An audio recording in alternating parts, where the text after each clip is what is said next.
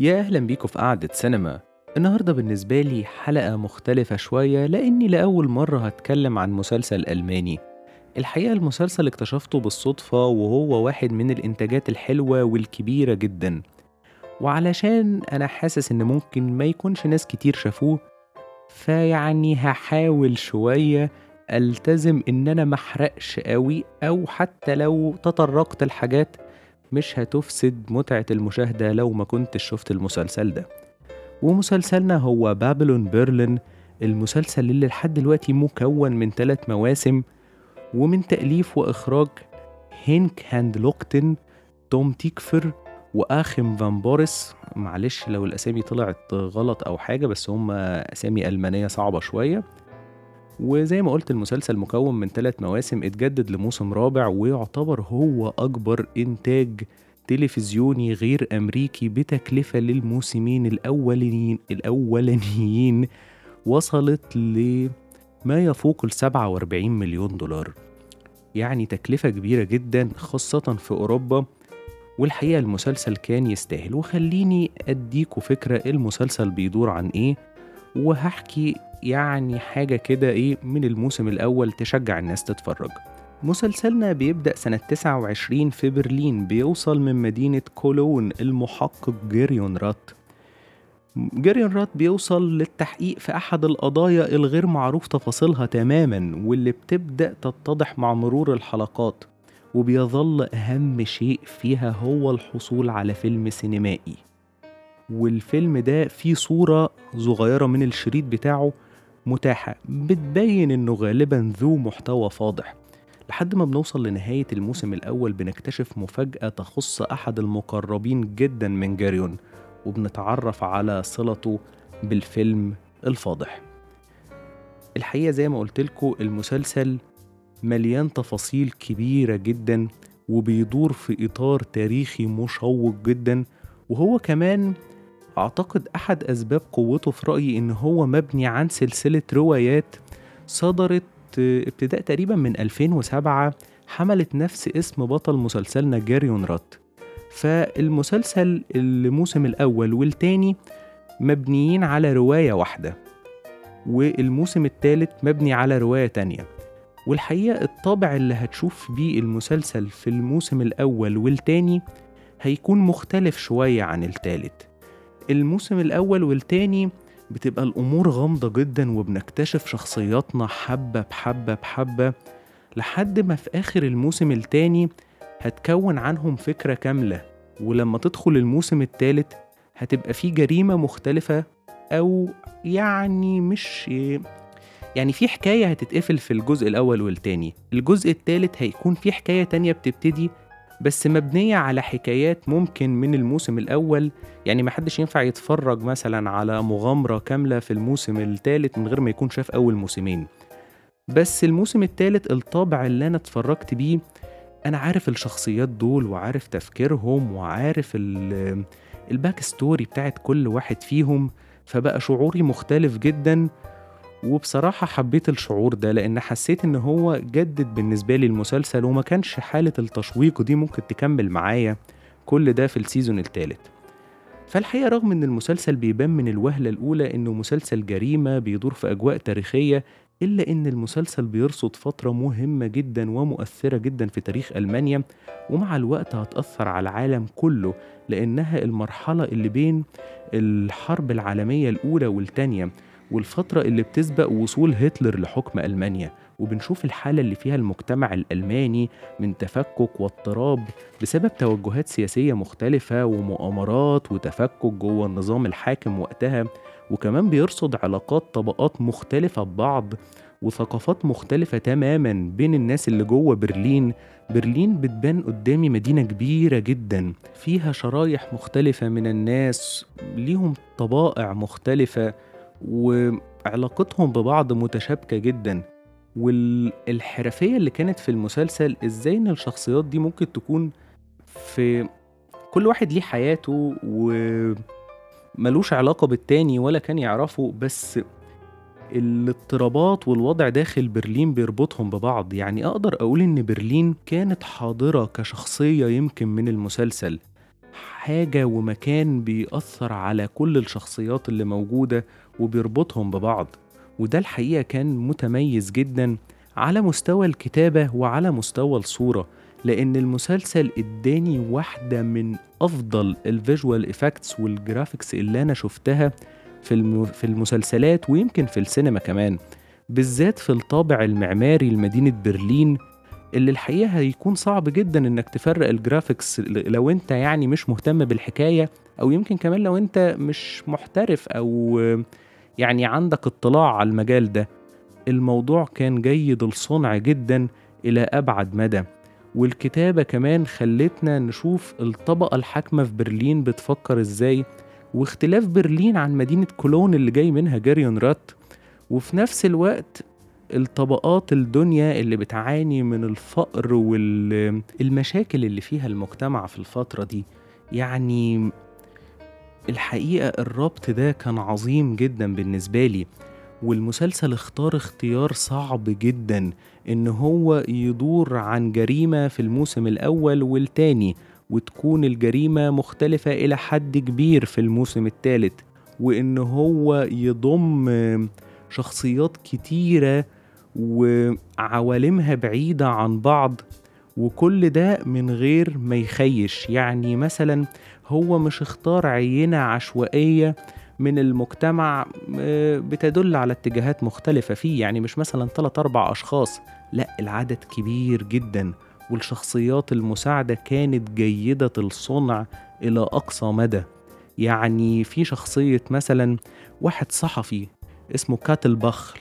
لو حد لسه هيشوف المسلسل يا ريت يركز معاه.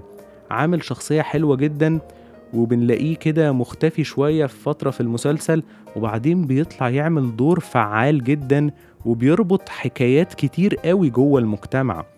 وزي ما قلت المسلسل كان جيد الكتابة كمان على مستوى الجريمة. يعني في sequence action تقريبا لمدة عشر دقايق في آخر حلقة في الموسم الثالث شد أعصاب بجد سسبنس زي ما قال الكتاب.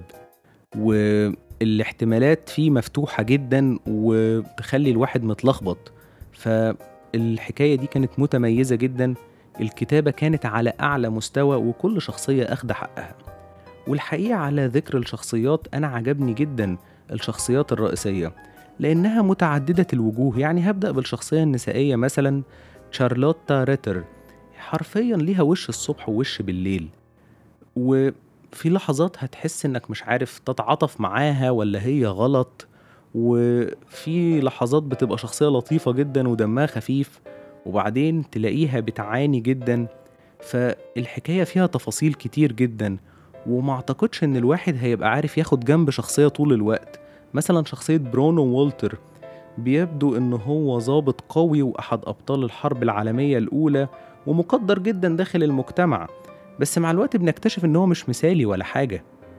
ونيجي لأهم شخصية وهي بطل مسلسلنا جيريون رات وهو مدخلنا للعالم ده عالم برلين المضطرب وعكس جانب سري في المجتمع ده ما كانش هيبان بسهولة مثلا لو اتعمل في فيلم. الموضوع كان محتاج مسلسل وعدد ساعات طويلة.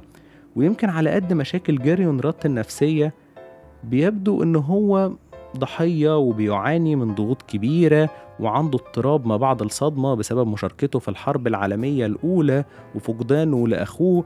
كل ده بس بنكتشف إن هو شايل ذنب كبير قوي وإن هو مش شخصية شديدة النقاء زي ما بيبان لنا.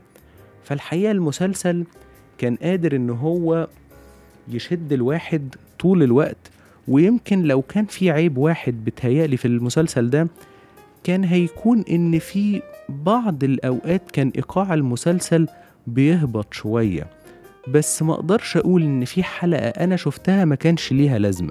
يعني مثلا هتلاقوا إن ممكن تحسوا الحلقة بطيئة شوية طب يعني تبقى حلقة فيها شدة كده والواحد مش قادر يحرك نظره عن التلفزيون وبعدين بعدها الحلقة التانية ما تبقاش فيها نفس مستوى ال suspense أو السلاسل بتاعت الأحداث اللي بتيجي ورا بعض.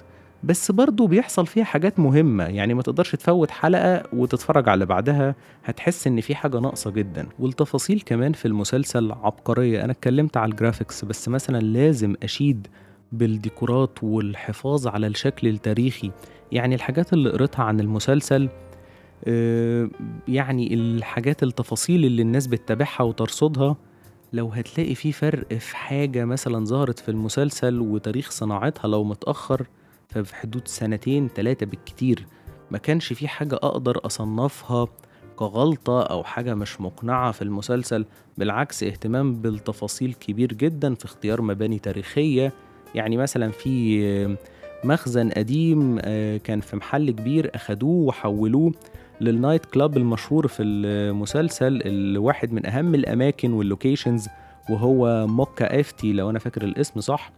فعملوا فيه مجهود كبير جدا ويمكن كمل بعد كده بالديكورات دي كمكان لعرض الحاجات الفنية تقريبا لو أنا فاكر يعني. وكمان الاهتمام باللبس كان متميز. كل الصور اللي تناولت تحليل المسلسل وقارنته بالصور واللوحات التاريخية تكاد تكون متطابقة كان فيه اهتمام كبير جدا بالتفاصيل. آه المسلسل مش وثائقي. يعني ما تقدرش تعرف منه معلومات شديدة الدقة وتكون عارفها بالظبط. بس هتلاقي إن هو بيحترم الحقبة التاريخية نفسها. حتى لو في بعض الشخصيات أو معظمها غير حقيقي وبعض الأحداث الغير حقيقية قوي بس هتلاقيها مستوحاة من الإطار الزمني اللي بتدور فيه.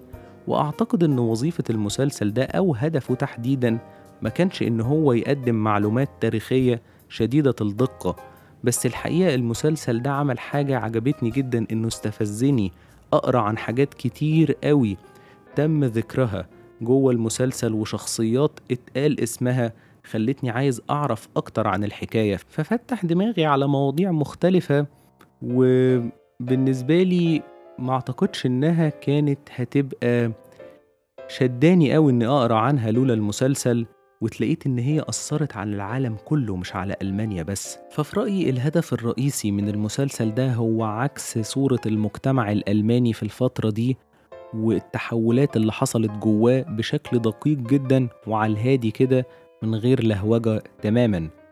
ومن الحاجات كمان اللي عجبتني قوي في المسلسل هي الموسيقى. على فكرة واحد من المخرجين اشترك في صناعتها اللي هو توم تكفر لو أنا فاكر الاسم لسه صح. وفكرة إنها مناسبة جدا للأحداث فعالة جدا وفي نفس الوقت محافظة على الطابع التاريخي. وبشكل أقدر أقول إنه مودرن يعني مش منفصلة عن الأحداث ومش منفصلة عن السياق التاريخي. وفي نفس الوقت ما نحسش إنها قديمة قوي فالمعادلة دي كانت حلوة قوي وخلت المسلسل ليه لمسة كمان جمالية كده وكمان على فكرة كانت فعالة قوي في وقت السسبنس والأغاني اللي معمولة بالألماني عجبتني جدا بشكل شخصي. ولحد هنا خلص كلامي عن مسلسل بابلون برلين واحد من أفضل الأعمال التلفزيونية اللي شفتها واستمتعت بالمواسم التلاتة بتوعه وزي ما قلت في موسم رابع بيتعمل أنا مستنيه جدا بشكل شخصي. فلو حد بيحب الأعمال اللي بتدور في سياق تاريخي أو فيها جريمة وإثارة وفي لمسة أكشن بس بطابع تاريخي أعتقد إن المسلسل هيعجبه جدا. ويا رب تكون الحلقة عجبتكم بشكل عام لو ما شفتوش المسلسل برضو. ونتقابل الحلقة الجاية ويا ريت تعملوا سبسكرايب لو مش عاملين عشان توصلكوا الحلقات الجديدة باستمرار. ومع السلامة.